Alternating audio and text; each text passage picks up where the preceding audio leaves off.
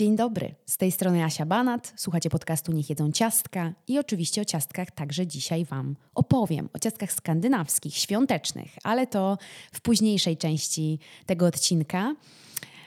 Witam Was przedświątecznie i mam nadzieję, że ten czas jest dla Was wesoły, kolorowy, miły, przyjemny i pachnący, że na pełnej już przygotowujecie pyszne swoje ulubione świąteczne potrawy, że już zaczynacie się wyciszać, e, nastawiać się na odpoczynek, na siedzenie pod kocem, picie herbatki z bliskimi, ale ja wiem, że nie dla każdego ten czas tak wygląda. Uświadomił mi to przede wszystkim ostatnio podcast Justyny Mazur, Castmas, w którym Justyna czyta codziennie przez cały grudzień na żywo e, maile od swoich słuchaczy właśnie z historiami świątecznymi. I no naprawdę ten podcast pokazuje prawdę o świętach, o tym, że nie warto się do kogoś porównywać, bo każdy ma swoje swoje historie, swoje przejścia i nie dla każdego te święta są takie fajne i wesołe. Jak cała zima, słuchajcie, bo o tym też jest ten odcinek. Bo Holly Jolly Christmas, ale wiemy doskonale, że zima bywa po prostu przejebana. I warto sobie, po prostu warto nauczyć się jakoś sobie z nią radzić. A kto sobie radzi z zimą całkiem nieźle? No więc z zimą radzą sobie nieźle ci, u których ta zima trwa najdłużej i jest najcięższa, czyli ludzie ze Skandynawii. Czym jest Skandynawia, jeśli ktoś nie wie? Skandynawią nazywamy Danię, Szwecję i Norwegię. Tak jak w Danii ta zima jest mniej więcej na takim samym poziomie łagodności bądź ostrości jak u nas, tak już w Szwecji czy w Norwegii, szczególnie w tych północnych częściach, które są normalnie zamieszkane przez ludzi, no tam już bywa naprawdę grubo, ciężko, ciemno, bardzo zimno. Ale jakoś Skandynawowie, każda ta nacja znalazła swoje sposoby na, y, na tą zimę i y, są to wręcz całe filozofie życia, które może warto wprowadzić też u nas. Może warto się zainspirować, bo e, taki zimowy blues i taka zimowa, sezonowa depresja myślę, że coraz częściej nas dotyka, tak jak obserwuję i siebie, i swoich znajomych. Także sprawdźmy, słuchajcie, jakie mają na to sposoby Skandynawowie. Zapraszam. Jak to jest, słuchajcie, że Skandynawowie są uznawani za jednych z najszczęśliwszych ludzi na świecie, a temperatury zimą u nich sięgają do minus 15 stopni, nie ma w niektórych miejscach w ogóle światła dziennego, albo jest go maksymalnie po 4-5 godzin, a przecież słońce, witaminka D to jest radość życia. Jak to się dzieje? No właśnie, tu wszystko siedzi w głowie i w przekonaniach, a właściwie w tradycjach. I na szczęście oni wymyślili sobie taką filozofię życia, zarówno Duńczycy ze swoim hygge, jak i Szwedzi ze swoim mys, jak i Norwegowie ze swoim köselig. Opowiem Wam o tych y, filozofiach, bo one nieco się od siebie różnią, ale no mają pewien wspólny kor. Zacznijmy może od Danii i duńskiej filozofii hygge. Na pewno gdzieś przez te ostatnie lata to słowo gdzieś Wam mignęło. Czy to na półkach w Empiku, bo sporo książek powstało na temat filozofii Hygge. No i co z tą filozofią nam się kojarzy? No mnie na przykład kojarzyły się do tej pory, zanim nie zrobiłam bardzo obszernego researchu, kojarzyły mi się z jakimiś takimi wnętrzarskimi klimatami, czyli skandynawskie, beżowe, e, beżowe wystroje wnętrz, jakieś poduszki, miękkie koce, świece, tego typu rzeczy. Ale czasownik Hygeli znaczy po duńsku, po duńsku, norwesku, nordycku czerpanie przyjemności z prostych rzeczy. I taki jest kor filozofii Hygge. I myślę, że właśnie ta filozofia jest świetna do wprowadzenia zimą. Tak, żeby zrobić z czegoś, czego się nienawidzi, coś, co może nawet kiedyś pokochamy. Oczywiście będzie to wymagało trochę pracy, zmiany stanu umysłu e, i przede wszystkim pozbycia się bałaganu mm, ze swojej głowy i ze swojego życia, e, co na pewno nie będzie łatwe, ale spróbujmy. Ja próbuję przez tą zimę. Takie mam zadanie w zimę 2022, żeby sobie właśnie schygować ją e, troszkę. Ale jak mogę cieszyć się zimą hygge, jeśli tej zimy nie lubię? No więc słuchajcie, po pierwsze hygge nie da się jako tako stworzyć. To nie jest lista rzeczy do kupienia, jak mogłoby się wydawać. I zwykle jeżeli ktoś tak na to patrzy, no to w ogóle nie rozumie hygge, bo to są raczej oszustwa. Ci wszyscy ludzie, którzy próbują sprzedać coś, co nazywa się hygge, no to jakby całą filozofię hygge przekreślają. Nie da się kupić hygge sypialni, ani hygge kuchni, ani hygge dobrego jedzenia, chociaż dobre jedzenie z pewnością może być hygge, mimo tego, że nie ma konkretnych produktów, które są hygge food. E, zupełnie niezrozumiale pewnie to powiedziałam, ale zaraz rozwinę. W hygge chodzi o to, aby nieco przeprogramować swój mózg, aby czuł się hygge z rzeczami. Czuł się. Hygge to jest uczucie, to nie jest rzecz.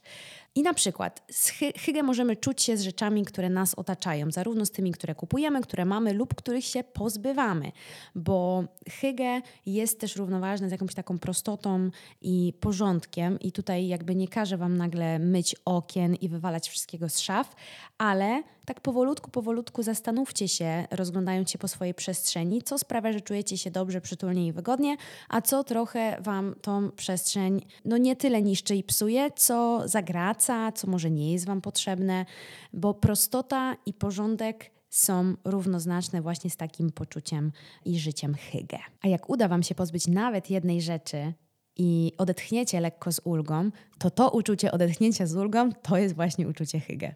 Czytając o Hygge w ogóle zrozumiałam jedną podstawową rzecz, że to wszystko zależy od nastawienia, no bo Hygge to jest odczuwanie, Hygge to nie są rzeczy.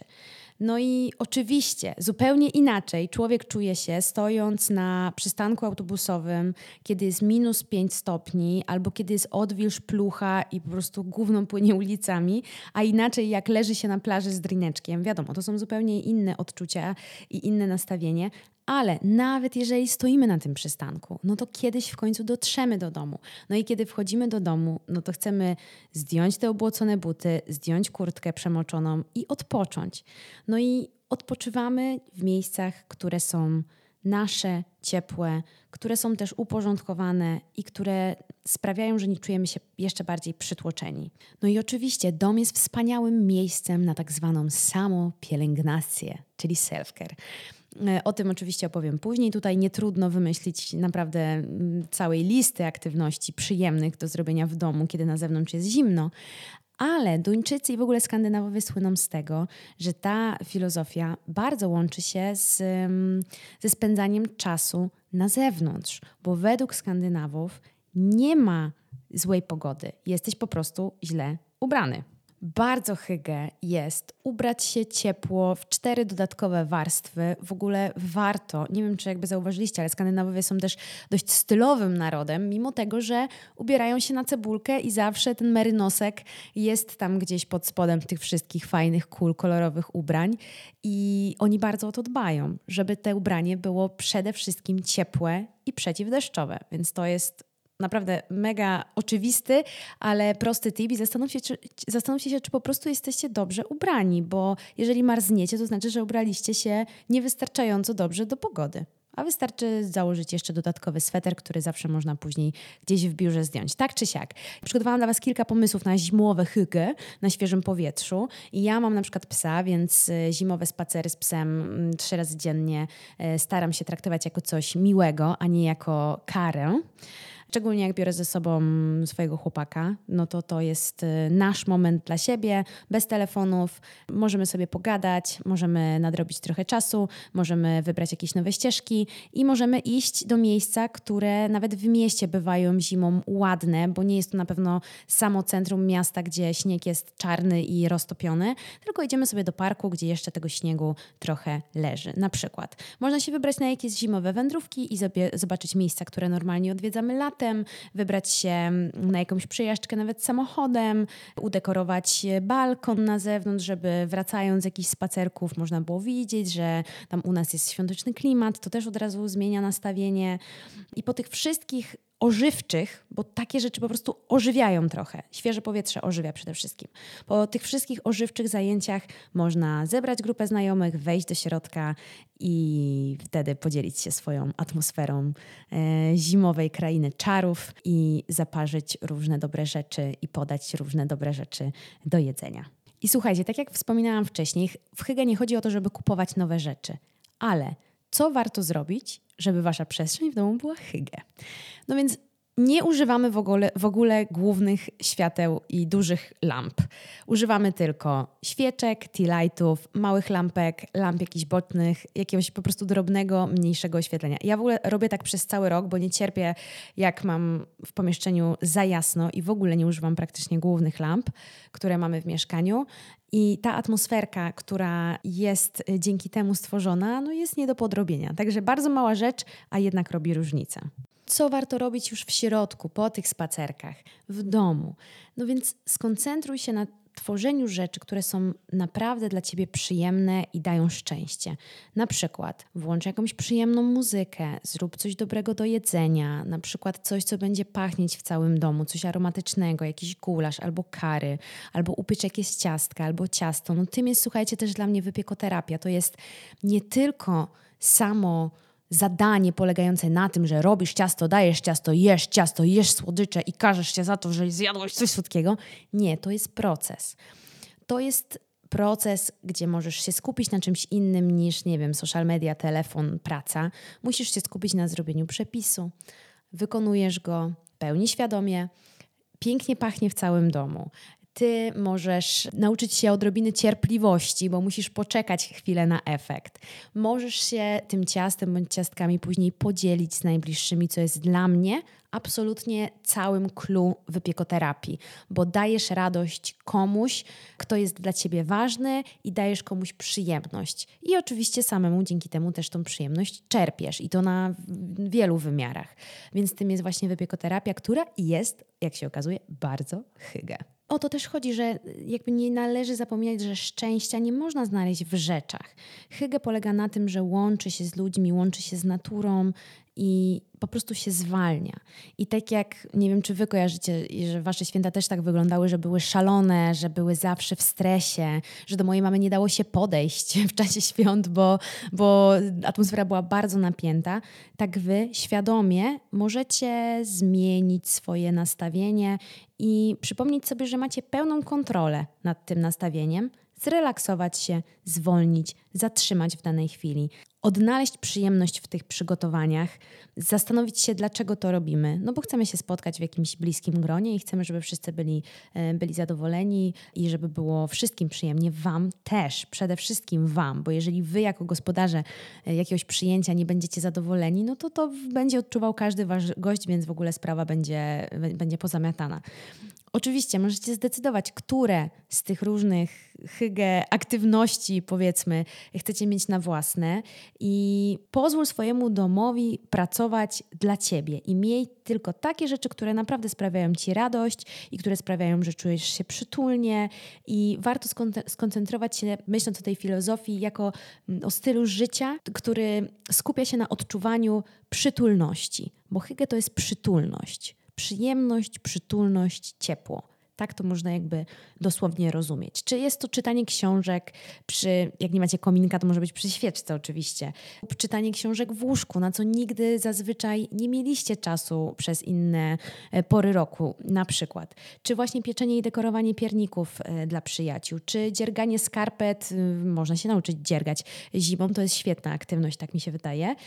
Na YouTube jest bardzo dużo e, tutoriali jak coś które później dać można mm, na święta przyjaciołom i rodzinie i można ich ocieplić. I znowu to będzie bardzo, bardzo hygge. Można przygotować właśnie jakąś aromatyczną potrawę, która będzie pachnieć w całym domu i żadne świeczki już nie będą Wam potrzebne. Można zwinąć się na kanapie pod jakimś miękkim kocem wygodnym, który jest uprany w Waszym ulubionym płynu do, płynie do płukania, co na przykład dla mnie jest bardzo ważne. Można zrobić gorącą czekoladę albo po prostu kakao Nesquik, którego nie piliście od 25 lat i podzielić się nim e, z, ze swoim mm, przyjacielem, przyjaciółką przyjaciółką, partnerem, mamą albo tatą. Możecie sami zrobić ozdoby świąteczne albo ozdoby na stół, na choinkę. Możecie sami zrobić te świeczki, żeby później je palić. Możecie znaleźć takie przepisy, które będziecie przygotowywać razem, albo w gronie przyjaciół, albo w gronie rodziny. Ja wiem, że to są takie bardzo rzeczy magazynowe i właśnie to są takie obrazy tych spompowanych świąt, że wszyscy mają niby na to czas, a tak naprawdę to jest stres i smutek, ale pamiętajcie, że mam nadzieję, że każdy z Was jest, ma swoją jakąś przestrzeń. Czy jest to Wasz dom, a nie Waszych rodziców, gdzie odbywają się te tak zwane główne święta? Czy Wasz pokój, jeżeli mieszkacie na przykład nadal z rodzicami?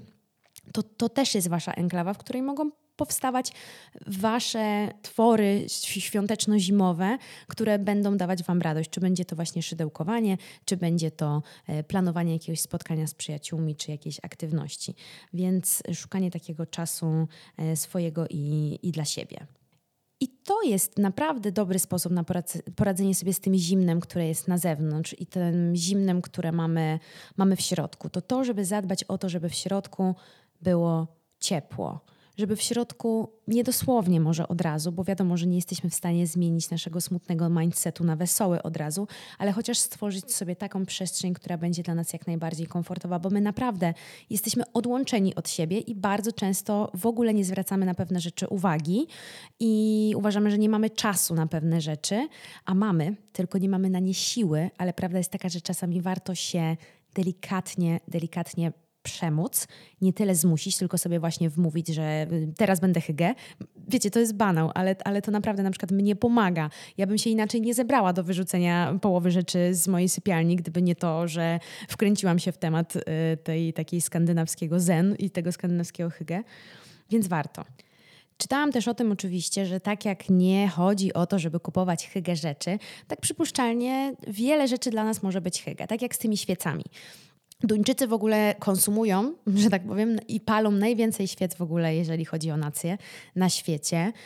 Co jeszcze jest na przykład y, taką istotną rzeczą? No te miękkie koce, miękkie poduchy i tego typu rzeczy na pewno też są fajne i na pewno je już macie, tylko po prostu połóżcie się na nich i przez chwilę zastanówcie się, czy one są wygodne, czy one nie są wygodne. I dopiero wtedy ewentualnie zadecydujcie, czy warto może zainwestować w coś nowego. Co jeszcze? Słuchajcie, bardzo ciekawa rzecz, bo czytałam o tym, że w tym takim mindsetie hygge ważna jest na przykład odzież domowa. I tak jak na pewno wielu z Was, i ja tak samo, często w domu ubieram się w szmaty. Czyli wiecie, w jakieś podarte koszulki, w jakieś dresy stare, no w takie rzeczy, które są wygodne, ale raczej, no wiecie, no takie mm, troszeczkę no, no, no wstydliwe, żebyśmy może nie do końca wyszli na zewnątrz w tym. No wiecie o co chodzi. No to są jakieś takie znoszone stare rzeczy najczęściej. A warto byłoby na przykład w domu dawać szansę jakimś miękkim, wygodnym ubraniom, które nie są takie obdrapane, bo my się mamy czuć komfortowo, dobrze, ale czysto i schludnie. I to na przykład dla mnie też bardzo się zmieniło, bo ja w domu zaczęłam zakładać normalne swetry, na przykład takie, których w ogóle, wiecie, trzymam w szafie i nie noszę, bo mi ich szkoda. I ja teraz zakładam je, żeby posiedzieć na kanapie, bo one są po prostu dobrej jakości i są ciepłe. I boję się wyjść w nich do restauracji, bo je uplamie. A w domu jakoś jestem ostrożniejsza i bardziej uważna, więc, więc no daję im szansę. Albo jakimś takim leginsom, y, czy, czy spodniom, czy dresom, czy piżamom, które nie są obdarciuchami, tylko tylko są czymś, czymś lepszej jakości. I to jest taki bardzo dziwny trik, ale powiem Wam szczerze, że naprawdę działa. Wiem, że to wszystko może brzmieć banalnie, ale hygge to jest taka zrelaksowana powolność i taka autentyczna świadomość, a nie tylko umiejętność bycia obecnym. Trzeba doświadczać hygge przez oczywiście pomaganie sobie jakimiś takimi materialnymi rzeczami, albo na przykład, wiecie, jeżeli nie macie świec, bo od razu jak posłuchacie tego podcastu, to pomyślicie, Jezus Maria, to ja teraz świecę sojową muszę kupić jakąś najlepszej jakości, albo z Galilu Factory za 200 zł, żeby, żeby uzyskać ten klimat hygge. Nie Słuchajcie, wy nawet świetnie musicie palić. To wszystko są jakby takie tipy i małe przenośnie. Wiecie, co możecie zrobić w zamian za to? Możecie ugotować skórkę z pomarańczy z laskami cynamonu w garnuszku i cały wasz dom będzie pachniał jak najlepsza i najdroższa zimowa, świąteczna świeczka. Co jeszcze jest trudne zimą? No, dla mnie na przykład najtrudniejsza jest po prostu ciemność bo ja, jak jest ciemno, to czuję się zdecydowanie bardziej zmęczona. No i szczególnie jak pracuję się w środku, no a większość z nas chyba pracuje w środku zimą, no to ciężko jest wyjść na zewnątrz i oświetlić twarz promieniami słońca. Poza tym może to być dość trudne, bo jak wychodzimy z biur, to najczęściej już słońce zaszło, albo jak wstajemy i idziemy do pracy, to słońca jeszcze nie ma, więc to jest chyba ten problem, że ja czuję na przykład się bardzo, bardzo zmęczona, dużo bardziej niż w miesiącach letnich. Co jest w takim, w takiej sytuacji najważniejsze? Dla mnie na pewno jest to niezaburzony rytm snu to, że zawsze chodzę spać o tej samej porze i staram się wstawać o tej samej porze bez względu na wszystko. To mi na pewno pomaga utrzymać jakiś poziom równy energii w ciągu dnia i to, że wystawiam czasem twarz do słońca. W sensie wyłażę nawet na balkon. Ja akurat się przemieszczam i nie pracuję w jednym miejscu, więc gdzieś tam to światło dzienne dociera do mojej twarzy i nawet słuchajcie 10 minut przez to, że też, że chodzę na spacery z chlebkiem, z pieskiem, to daje mi jakąś dodatkową energię. Więc warto się wyściubiać z tego domu, mimo tego, że to jest ostatnia rzecz, jaką mamy ochotę robić. A to ciepło po powrocie do domu, z tych świeczek, z tych lampek, z tych e, koców i z tego wszystkiego jest jakby takim protektorem przed zimą. Ale co dla mnie jest najistotniejsze? No to wiecie, jako ludzie będziemy na pewno różnie reagować na te ciemne i chłodniejsze miesiące. I myślę, że fajnie jest po prostu przyjąć to, że zimą będziemy bardziej zmęczeni i że to jest ok. Nie doszukiwać się w tym niczego więcej, tylko po prostu przyjmować to, akceptować i mówić, że to jest w porządku. Jeśli nie chcesz wychodzić na zewnątrz, to to jest w porządku. Jeśli czujesz się mniej energiczny, to to jest w porządku. Jeśli nie chcesz się udzielać zbyt często towarzysko, no to to jest w porządku. I po prostu trzeba to objąć jakoś w sobie, to wszystko, co się przechodzi, ponieważ jest wielu z nas ciężko. I jeżeli miałabym jedną rzecz wybrać, to większe dbanie o siebie zimą. Duża większa tolerancja dla siebie i dla swoich odczuć. Bo ja sama mam tendencję do samobiczowania się i zimą mi to wychodzi zdecydowanie jeszcze lepiej niż, yy, niż wcześniej. I tracę, tracę sens i czuję bezsens. Także wtedy staram się sobie jak najmocniej tłumaczyć, że wszystko jest ze mną ok i że to może po prostu tylko zima. Opowiedziałam Wam trochę o Hygge, czyli o duńskiej koncepcji yy, i filozofii, filozofii życia, życia przytulnego, życia ciepłego, życia miłego. A teraz czas na szwedzką tradycję. Szwedzka tradycja nazywa się mys i także polega na znalezieniu czasu na zwolnienie tempa, na relaks, ale też na zjedzenie pysznego jedzenia. I tutaj akurat Szwedzi na to jedzenie bardzo stawiają, bo jakby taką kwintesencją mys są ich wolne piątkowe wieczory, które spędzają najczęściej z przyjaciółmi i jedzą. Siedzą na kanapie, oglądają naprawdę shit telewizję, jakieś najgłupsze programy, najgłupsze filmy i jedzą. I bardzo często jedzą, słuchajcie, jakieś, wiecie, chipsy, pizze, tacosy, fast foody. No na pewno, na pewno coś, co sprawia im przyjemność. Każdy ma tą przyjemność zupełnie inną. I wiecie, co jest najważniejsze w tej całej filozofii? No bo to się wydaje jakby możliwe, że każdym, że piątkowym wieczorem każdego z nas, życzę, żeby tak było, żeby wszystkie piątkowe wieczory wyglądały tak fajnie, ale tu chodzi o to, żeby to robić i nie mieć wyrzutów sumienia. I to jest właśnie mys, fredags mys, czyli właśnie taki piątkowy chill out przytulne piątki. I ta koncepcja powstała w Szwecji w latach 90. Właśnie powstała dlatego, że piątkowe wieczory powinny być czasem takiego przytulnego relaksu, ucztowania i przede wszystkim spędzania czasu z bliskimi. Nie z obcymi, z bliskimi z ludźmi, z którymi czujemy się dobrze i swobodnie, czy to będzie nasz kot, pies, nasza mama, nasz tata, e, nasi przyjaciele, czy jeden przyjaciel, czy chłopak. Ta koncepcja kręci się i wokół właśnie ludzi, i wokół jedzenia. No bo aby uczcić początek weekendu, potrzebny jest, jest potrzebny jest jakiś pewien rodzaj świętowania i, i sposób na, na relaks. A w Szwecji jest to telewizja, takosiki, winko, piwko i tego typu rzeczy. Norwegowie za to mają koselig, a właściwie kosli. Wydaje mi się, że tak to powinno się przeczytać. To słowo jest oczywiście nieprzetłumaczalne, tak samo jak mys, tak samo jak hygge, ale tak najbliżej znaczenia znaczy to rodzaj współdzielonej bezpiecznej wspólnoty. I to słowo koselich może opisywać albo dom, albo sytuację, albo posiłek, albo rozmowę, albo osobę. I znowu nie jest to rzecz, jest to poczucie. Poczucie bezpieczeństwa, poczucie ciepła, poczucie dobra.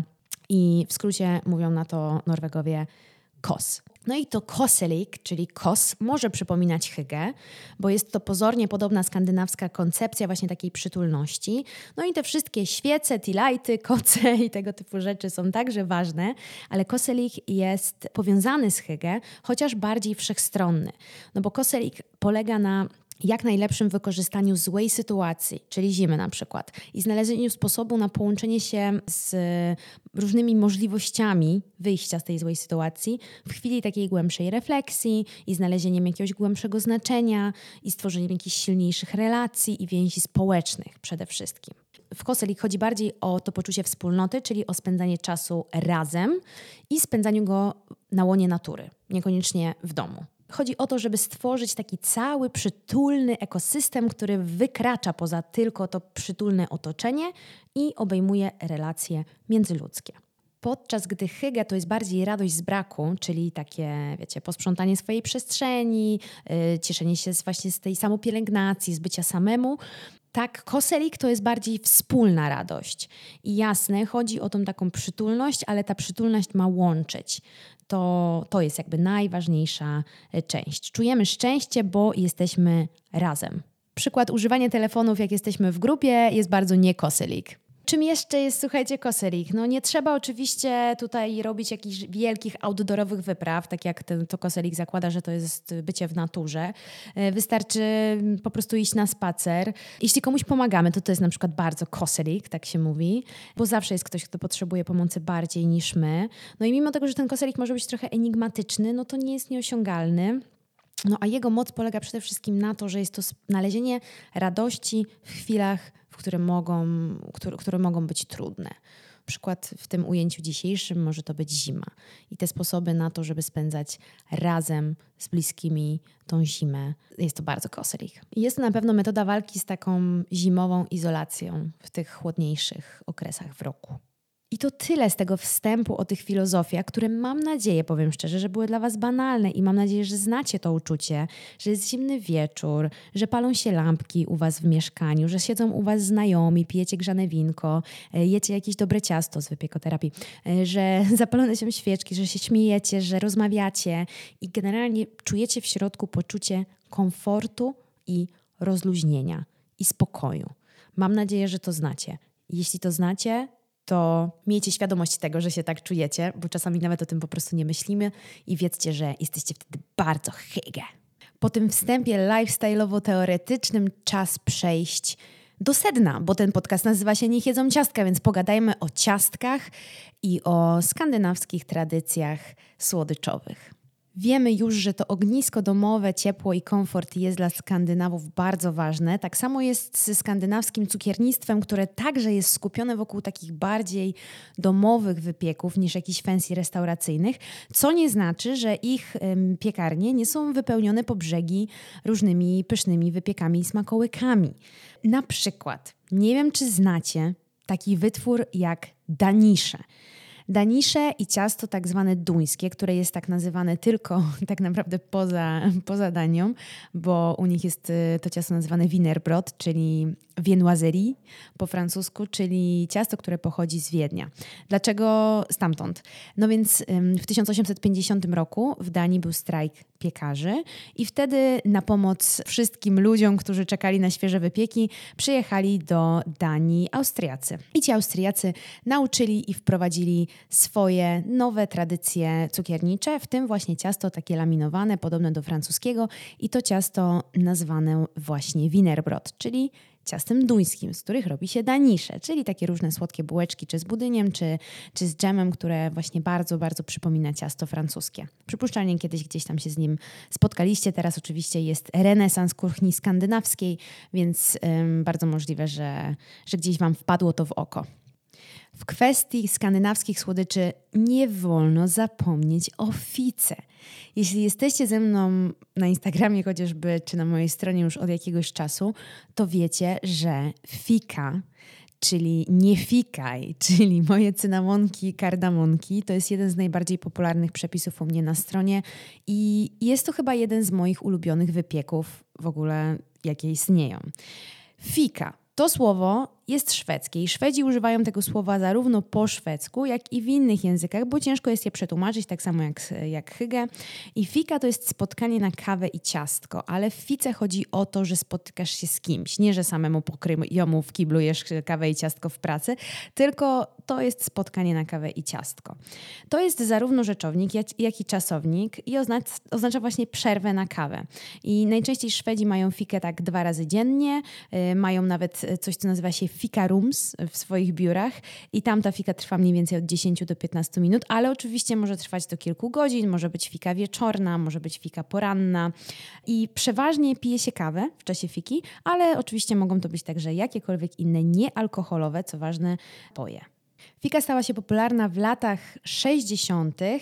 i to samo słowo pochodzi albo od francuskiego slangu, bo na kawiarnię, czyli na kafe mówiło się feka, albo od starego sztokholmskiego powiedzenia fikak, które oznaczało spotkanie na kawę. No tutaj opcji jest wiele, ale co jest najważniejsze dla mnie, jak już wspominałam wcześniej, nie bez powodu swoje bułeczki cynamonowo-kardamonowe nazwałam właśnie nie fikaj bądź fika, gdyż y, bułeczka cynamonowa lub bułeczka kardamonowa jest takim najbardziej charakterystycznym i najbardziej popularnym smakołykiem w czasie fiki właśnie. No i tak jak wiemy już, że nordyckie zimy są długie, ciemne i trudne, tak wiemy też, jak sobie nordyckie narody radzą z takimi czasami, bo ich domy są ciepłe, przytulne, otulone światłem świec i to wszystko budzi te wszystkie hygge uczucia. E, no i Skandynawowie kochają celebracje, a szczególnie właśnie te zimowe celebracje, kochają też święta. I to świętowanie przejawia się u nich szczególnie w wypiekach, co bardzo łapie mnie za serce. No i jak to u nich wygląda? Cztery niedziele Adwentu przed świętami są celebrowane imprezkami z glogiem, czyli z tym ich winem e, grzanym z dużą ilością korzeni, pomarańczy. Można kupić taką zaprawę do gloga w Ikei, to nie jest przypadek. I na tych imprezkach oczywiście zagryzane są też ciasteczka imbirowe lub ciasteczka korzenne i je też znacie doskonale z Ikei i to też nie jest przypadek. I można je kupić przez cały rok, co pokazuje, jak bardzo oni kochają celebrować święta.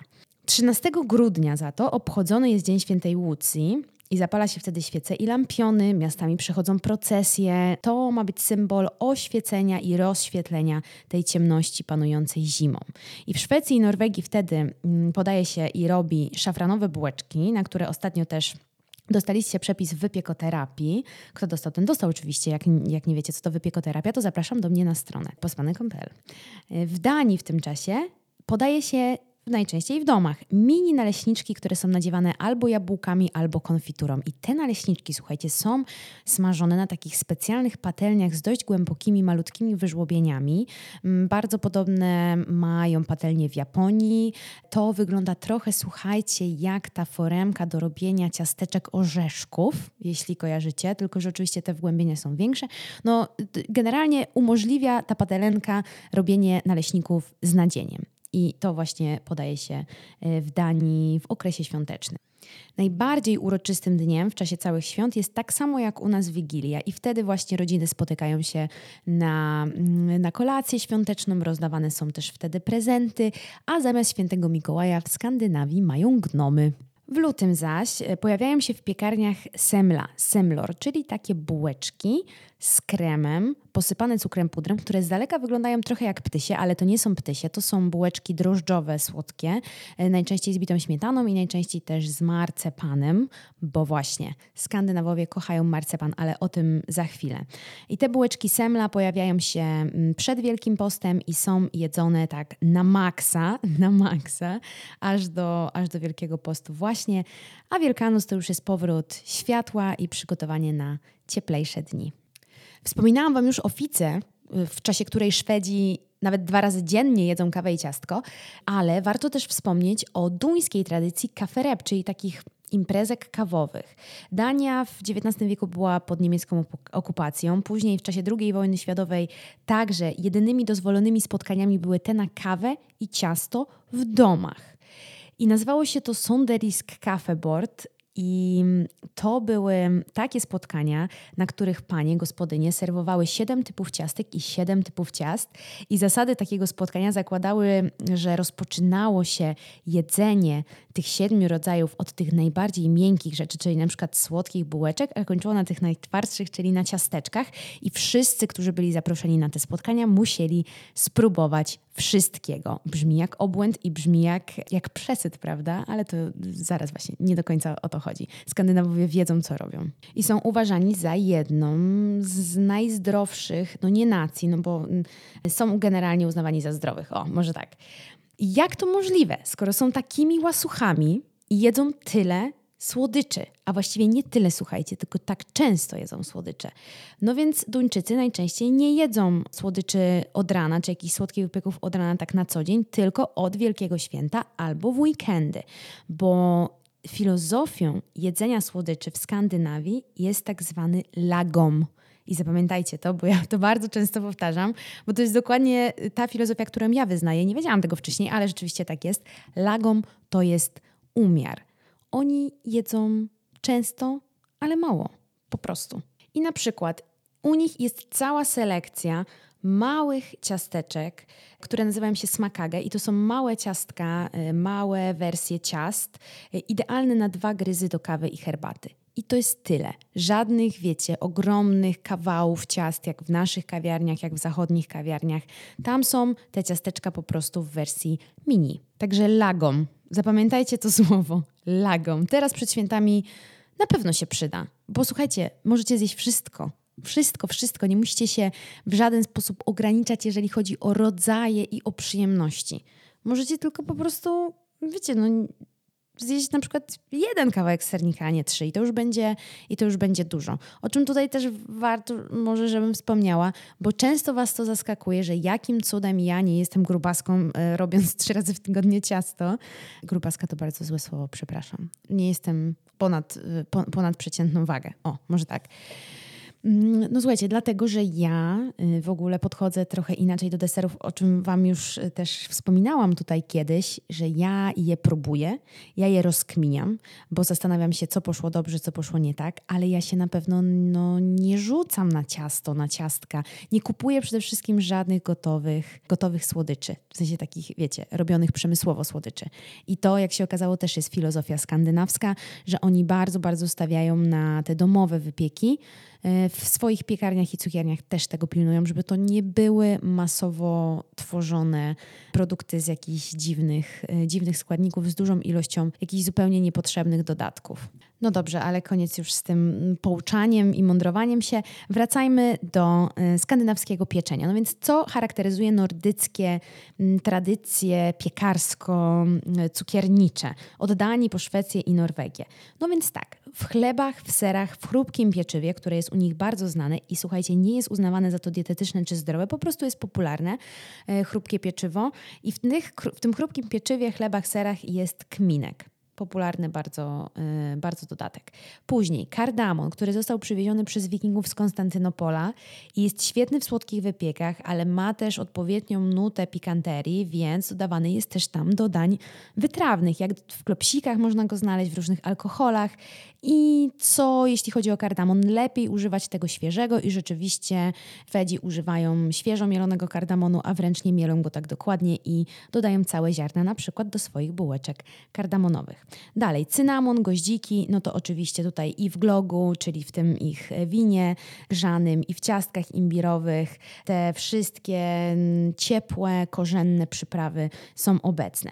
Później nasiona kopru, także głównie w chlebku, jest oczywiście lukrecja i to solona lukrecja, co jest jakimś kompletnym obrzydlistwem dla większości populacji, oprócz właśnie dla krajów nordyckich, ale tak, lukrecja jest super popularna. Sól, bo jedzą e, Skandynawowie dużo słonych rzeczy, ale bardziej nie tyle słonych, co po prostu zakonserwowanych, tak? Czyli to też jest e, coś, coś charakterystycznego dla nas, czyli różne zasolone ryby, marynowane rzeczy, kiszonki, to y, jak najbardziej tak. No i właśnie ta solona lukrecja nieszczęsna. Szafran. Jedna z najdroższych przypraw na świecie, szczególnie do bułeczek świętej Łucji, o których Wam wspominałam, e, jest używany i używają e, właśnie zmielonego szafranu. U nich nawet nie występuje w takiej wersji e, w całości, tylko on jest zmielony. Skórka z pomarańczy dalej, wanilia, malina morożka, to jest tak zwana nordycka malina. Słuchajcie, świetna sprawa ja mm, myślałam, że to jest coś jak miechunka, ale nie. Faktycznie malina morożka wygląda jak blada biała malinka. Wygląda smutno, wygląda trochę jakby była po prostu niedojrzałą maliną, ale jest to bardzo, bardzo popularny owoc właśnie w krajach Skandynawii. Później owies, mąka żytnia lub miks z mąką pszenną. Nazywa się to sigmetel i z tego właśnie robi się i pieczywo, i ciasta, i te chrupkie pieczywa. Dużo właśnie mąk z pełnego przemiału i żytnich używają Skandynawowie. Używają też płatków żytnich, mąki orkiszowej, e, semoliny, czyli mniej jest u nich wypieków z jasnej mąki. Do pieczenia używają amoniaku bardzo, bardzo często. Jest u nas też e, taki rodzaj ciasteczek, które nazywają się amoniaczki, ale no wiecie, jest to dość kontrowersyjne. Nie wszędzie da się ten amoniak spotkać, no i ten amoniak jednak bardzo, bardzo brzydko pachnie w czasie pieczenia. E, później daje świetne efekty, bo te ciasteczka są naprawdę bardzo przyjemne, kruche i delikatne. Kiedyś w ogóle e, amoniak w Skandynawii był, uwaga, robiony z poroża jelenia, także to był taki jeden z pierwszych spulchniaczy, których oni używali dla mnie amoniak trochę kontrowersyjny, bo jednak jak piekę ciastka, to chcę, żeby ładnie pachniało w domu, a nie żeby pachniało amoniakiem. Ale no to wiecie, co kto lubi.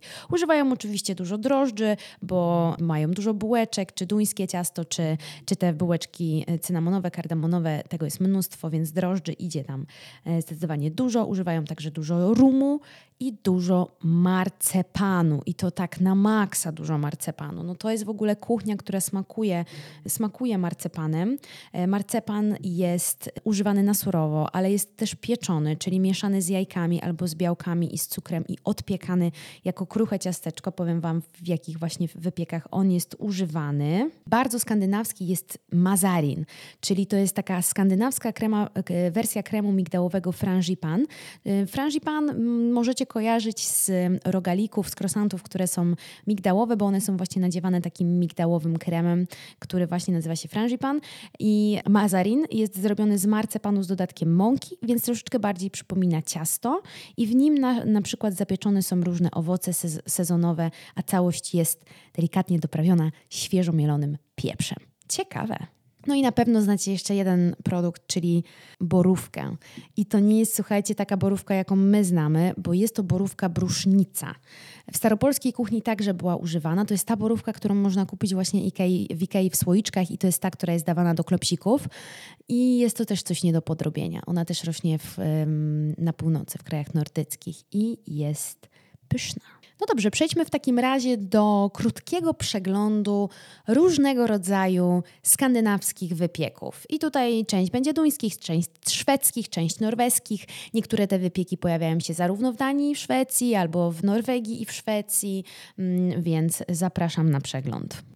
Zacznijmy od maluszków, czyli od ciasteczek. Jeśli chodzi o skandynawskie ciasteczka, no to oczywiście Skandynawowie kochają wszystkie pierniczko podobne rzeczy. Imbirowe ciasteczka korzenne z pieprzem, e, z migdałami, ten odpiekany marcepan także mm, jakby charakteryzuje się jako, jako ciastko. Kochają też kokosanki, kochają bezowe ciasteczka, kochają coś, co właśnie przypomina Pawlową i jest jedno jedna, jedne ciasteczka, które są bardzo znane i są to duńskie ciasteczka maślane, które są jakby wyciskane z rękawa. Na pewno je kojarzycie, bo to było takie moje marzenie z dzieciństwa, żeby dostać taką piękną puszkę z maślanymi ciasteczkami. I to jest w ogóle najczęstszy taki suwenir, który można w turystycznych spotach gdzieś na przykład w Kopenhadze kupić. I są to duńskie maślane ciasteczka, które oczywiście możecie sobie zrobić w domu. Macie przepis także u mnie, bo u nas też takie ciasteczka są znane. Kupne oczywiście nie umywają się absolutnie do domowych, więc warto zrobić je samemu. Bardzo znane słodycze w Skandynawii to są e, takie przypominające albo nawiązujące do Napoleona. I na przykład duńskie czapki Napoleona powstały w XIX wieku, kiedy właśnie ta kawa i ciastko były czymś bardzo modnym i w tym czasie powstawało dużo wymyślnych wzorów i nowych ciasteczek, no właśnie w imię Napoleona chociażby. I te duńskie czapki Napoleona to są kruche ciastka, które są właśnie uformowane w taką napoleońską czapkę i one są nadziewane czekoladą. Innymi znanymi ciastkami, ostatnio znowu też widziałam, że przeżywają renesans, chociażby na Pinterestie, są flodeboller i to są takie kruche ciastka albo upieczone krążki właśnie z marcepanu, na które wyciśnięta jest pianka marshmallow i ona jest zamrożona i to wszystko jest zamoczone w czekoladzie albo w jakiejś mm, polewie kolorowej, czekoladowej. I to są duńskie ciastka, które głównie były przeznaczone dla dzieci i są takim miłym wspomnieniem z dzieciństwa na pewno wielu Skandynawów. Inny rodzaj ciastek, taki właśnie do tej e, przerwy kawowej, o której Wam wspominałam, to były ziemniaczki. I to było coś podobnego do ptysia z kremem, który także miał na górze krążek marcepanowy. Jeszcze inne ciastka to medale tak zwane. I to były dwa kruche ciasteczka przełożone bitą śmietaną i to były właśnie takie idealne, malutkie na dwa gryzy ciasteczka, które najczęściej powstawały z jakichś resztek po prostu. Reszta kruchego ciasta przełożona bitą śmietaną i mamy nowy deser. Z czego mogło zostać nam to kruche ciasto? No na przykład z przygotowywania kruchych babeczek, które są podobne do tych naszych kruchych babeczek, które zawsze mają w sobie migdał albo właśnie ta baza kruchego ciasta jest zrobiona z marcepanu i one są nadziewane malinami i zalane właśnie tym mazalinem, takim mm, kremem e, migdałowym i, i później są zapieczone. I te babeczki właśnie są uznawane jako taki mm, jeden z pierwszych wypieków, które uczą piec babcie.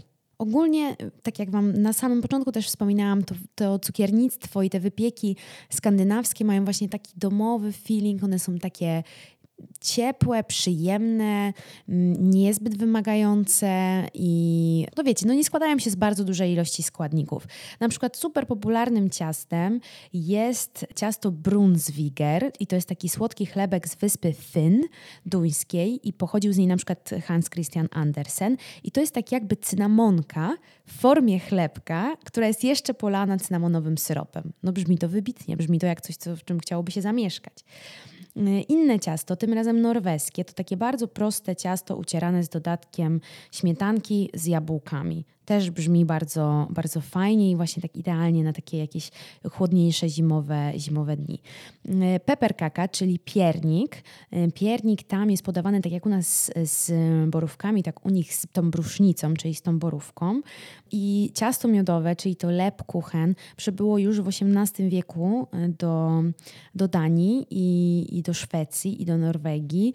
I jest to jedno właśnie z najstarszych ciast skandynawskich, te na bazie miodu i korzeni. Bardzo znanym ciastem, które jest praktycznie w każdej szwedzkiej cukierni, jest coś, co nazywa się klatkaka, tak zwany sticky cake. I jest to coś podobnego do brownie, czyli jest to nadal takie lekko niedopieczone ciasto z czekolady i to może być albo biała, albo mleczna, albo gorzka czekolada, ale ono nie jest takie płaskie. Ono jest wyrośnięte i opadnięte. I najczęściej jest e, podawane z jakimiś e, owocami. I to jest zupełnie taka kontra jak sernik baskijski kontra sernik nowojorski. Rozumiecie? Jedno jest płaściusieńkie, pieczone, gotowane, e, a drugie jest wyrośnięte, opadnięte. No to tutaj ta, ta klakdaka jest, klak, klatkaka, przepraszam, jest, jest właśnie czymś takim. Inne ciasto to ciasto sukcesu. Jest to norweskie ciasto i spód i góra przypomina trochę batoniki Daim. Bazą jest beza, migdałowa, a wnętrze to taki maślany budyń. Bo ogólnie coś, co mm, bardzo mi przypomina jakieś wytwory naszych y, polskich, takich tradycyjnych cukierni, to jest beza z kremem maślanym. Na pewno kojarzycie te takie duże bezy, grzybki, które w środku miały krem kawowy. I mm, Szwedzi mają bardzo podobny deser i u nich jeszcze ten krem występuje albo w formie czekoladowej, albo w kawowej, ale to u nas wydaje mi się, że też. I ta beza jest z dodatkiem orzechów, więc to jest w ogóle mega charakterystyczna rzecz, która jest, występuje we wszystkich krajach nordyckich, no i właśnie u nas też. Jest też coś takiego jak ciasto księżniczki i też jest to jedno z najbardziej znanych e, szwedzkich ciast. Przepis pochodzi oryginalny z książki kucharskiej, mm, która została napisana przez nauczyciela córek księcia Karla, czyli e, księżniczek. I jest to taki torcik, który jest przełożony kremem i pokryty zielonym marcepanem, udekorowany e, różyczkami marcepanowymi. Bardzo przypomina ciasta takie typu angielskiego. Innym ciastem na celebrację, tutaj akurat w Norwegii i Danii, na śluby, chrzciny, na wesela, jest ciasto migdałowe i to są, to jest taka wieża z ciast z ciastek, ciast, nawet ciężko to nazwać, bo bazą tego ciasto ciastek jest, jest właśnie marcepan i on jest odpiekany w ringach e, w różnej średnicy i później układany w wieże i lukrowany. I jest to taka, takie ciasto na celebrację, tak się nazywa. Finowie na przykład mają bardzo swoje znane pączki, munki. I możliwe, że na tłusty czwartek się pokuszę i taki przepis na to munki Wam przygotuję, albo na gofry, bo gofry skandynawskie są cieniutkie i chrupiące i one są najczęściej podawane z jakimś owocowym syropem e, i najczęściej serwuje się je w takich, e, wiecie, kawiarniach, kafejkach, przy stokach narciarskich, w jakichś kurortach narciarskich, albo przygotowywane są w domach, ale właściwie nie w domach, tylko w tych chatkach górskich, bo mm, Skandynawowie mają właśnie takie swoje działeczki, dacze. I właśnie na daczach zimą chrupiące gofry przy kominku to jest bardzo fajna tradycja. O bułeczkach cynamonowych i kardamonkach już nie muszę Wam wspominać, bo o tym już było dużo i są to najbardziej znane wypieki, ale widzicie, przekrój jest bardzo przyjemny tych skandynawskich wypieków i ja byłam naprawdę szczerze zaskoczona, że jest um, tam aż tak bogata ta historia cukiernicza i, i wybór tych ciastek jest tak duży, że pokusiłam się nawet, żeby schygować trochę tą zimę i od nowego roku, słuchajcie, zapraszam Was na cykl przepisów właśnie na skandynawskie wypieki, bo myślę, że będzie to bardzo, bardzo przyjemna wypiekoterapia właśnie w takim stylu skandynawskim i hygge. I naprawdę jestem, słuchajcie, aż zdziwiona, jak bardzo, bo to był autentycznie przypadek, że jak bardzo ta wypiekoterapia jest właśnie związana z tym, z tą filozofią Skandynawów, jeśli chodzi o przeżywanie jakichś trudniejszych momentów, bo zima tutaj tak naprawdę jest tylko przenośnią. I ja wiem, i ja tak mam, że, że wiele moich najmilszych wspomnień z dzieciństwa jest związane właśnie z jedzeniem. Czy ciepłe bułeczki, czy chleb, czy ciasto drożdżowe, które naprawdę u mnie pieczono raz na ruski rok, ale jak było już w domu, no to było to dla mnie święto i ten zapach unoszący się w całym mieszkaniu był no, nie do podrobienia i ja już wtedy w tamtym momencie wiedziałam, że kocham pieczenie. I, I, bardzo mocno to zapamiętałam, i jak tylko pozwolono mi korzystać z piekarnika y, pod nadzorem, to, to zaczęłam właśnie robić ciasteczka z różnych takich dodatków do katalogów IKEA, i tam były różne przepisy, i pamiętam, że to były moje pierwsze, pierwsze ciastka, i, i właśnie one były skandynawskie. Zupełnie przypadkowo, słuchajcie, przypomniałam to sobie ostatnio. Mm, smaki przenoszą nas w czasie. I im jestem starsza, a skończyłam w tym roku 30 lat, tym bardziej ciągnie mnie właśnie do tych sentymentów i do rozpamiętywania szczególnie właśnie smaków i wspomnień związanych ze smakami. I one są naprawdę niezwykle silne. Czy zapachy, czy smaki. Niezwykle silne. One przenoszą w czasie. To jest y, naprawdę niezwykłe. W co wierzę? Wierzę, że uczymy się w kuchni. Dlatego dzielę się z Wami też tymi przepisami takimi domowymi, nie bardzo wymyślnymi, bo bardzo, bardzo bym chciała, żebyście dzielili się z najbliższymi czymś pysznym, y, czymś przyjemnym i żeby ten cały proces Was w jakiś sposób też kształtował, uczył cierpliwości, ale też y, zwracał uwagę na na naukę, czyli uczył Was trochę zasad chemii i fizyki. Myśleliście, że się nigdy nie przyda, ale a uwaga, a jednak, żeby coś pysznego y, i pięknego wyszło, to czasami trzeba się troszeczkę bardziej skupić i coś zrozumieć. I to dobrze, słuchajcie, bo to jest jak rozwiązywanie sudoku. W sensie to po prostu mózg, y, mózg musi działać y, w czasie, w czasie pieczenia, więc dla mnie to jest jak najbardziej plus. Kuchnia to jest też miejsce, w którym się spotykają pokolenia, gdzie, gdzie się gada, gdzie się uczy, gdzie się łączy ze sobą i gdzie się kocha po prostu i gdzie jest właśnie to hyga. I staram się i starałam się, żeby i moja kuchnia w domu rodzinnym, i e, w moich mieszkaniach, które wynajmuję, i także w mojej pracowni była właśnie napędzana takim, takim ciepłem. jeśli będę miała kiedyś dzieci, no to bardzo chciałabym je nauczyć poprzez moje przepisy, nauczyć. No właściwie chciałabym im przekazać to uczucie, pokazać to uczucie przez te moje przepisy i, i dzięki nim chciałabym pokazać, kim jestem, skąd jestem i, i jakie są moje wspomnienia, tak żeby mogli poczuć się tak, jak ja kiedyś się czułam i jaką drogę przeszłam. Um, Słuchajcie, tak podsumowując właśnie nawet ten rok z okazji y, nagrywania tego odcinka, czego w sumie nie planowałam wcześniej, teraz tak, że tak powiem, y, jadę spontanicznie. Nie wspomnę nawet o tym, słuchajcie, jak dużo osób przez ostatnie dwa lata poznałam w swojej pracowni, na warsztatach, na warsztatach przede wszystkim indywidualnych, gdzie no była to niesamowita atmosfera. Ja byłam w szoku, jak bardzo szybko łapaliśmy kontakt i z jaką łatwością byliśmy w stanie rozmawiać na trudne tematy, będąc dla siebie ludźmi obcymi. I miało to wymiar jak najbardziej terapeutyczny, na pewno dla mnie. Nie wiem jak dla drugich stron, ale jestem za to naprawdę bardzo, e, bardzo wdzięczna. No i w ogóle, wiecie, chciałabym tą swoją skromną e, internetową działalnością wygrywać z tymi wszystkimi masowo produkowanymi słodyczami i wypiekami i zaszczepiać i w Was, i w jeszcze młodszych pokoleniach, i starszych pokoleniach miłość do domowych wypieków, bo one są naprawdę czymś więcej niż tylko słodyczami, po których mamy czuć się winni, że je zjedliśmy. Także nie chciałabym, żebyśmy patrzyli przez taki pryzmat na nie. I o tym był właśnie ten odcinek. Życzę Wam szczęśliwych, wesołych, spokojnych świąt, pysznych świąt, świąt bez wyrzutów sumienia, bez żalu. Przeżyjcie go dobrze, ten kolejny rok, smacznie i nie przejmujcie się tym, co słyszycie przy stole od swojej rodziny, bo wiem, że bywa z tym różnie, u mnie także. I nie wierzcie w magię świąt w każdym domu, bo u każdego wygląda to zupełnie inaczej. I pamiętajcie, że tą magię świąt możecie stworzyć wy sami, nawet we własnym pokoju, czy we własnej łazience, czy na własnej kanapie. I, i dbajcie o siebie. Dzięki. Do usłyszenia w przyszłym roku. Papa.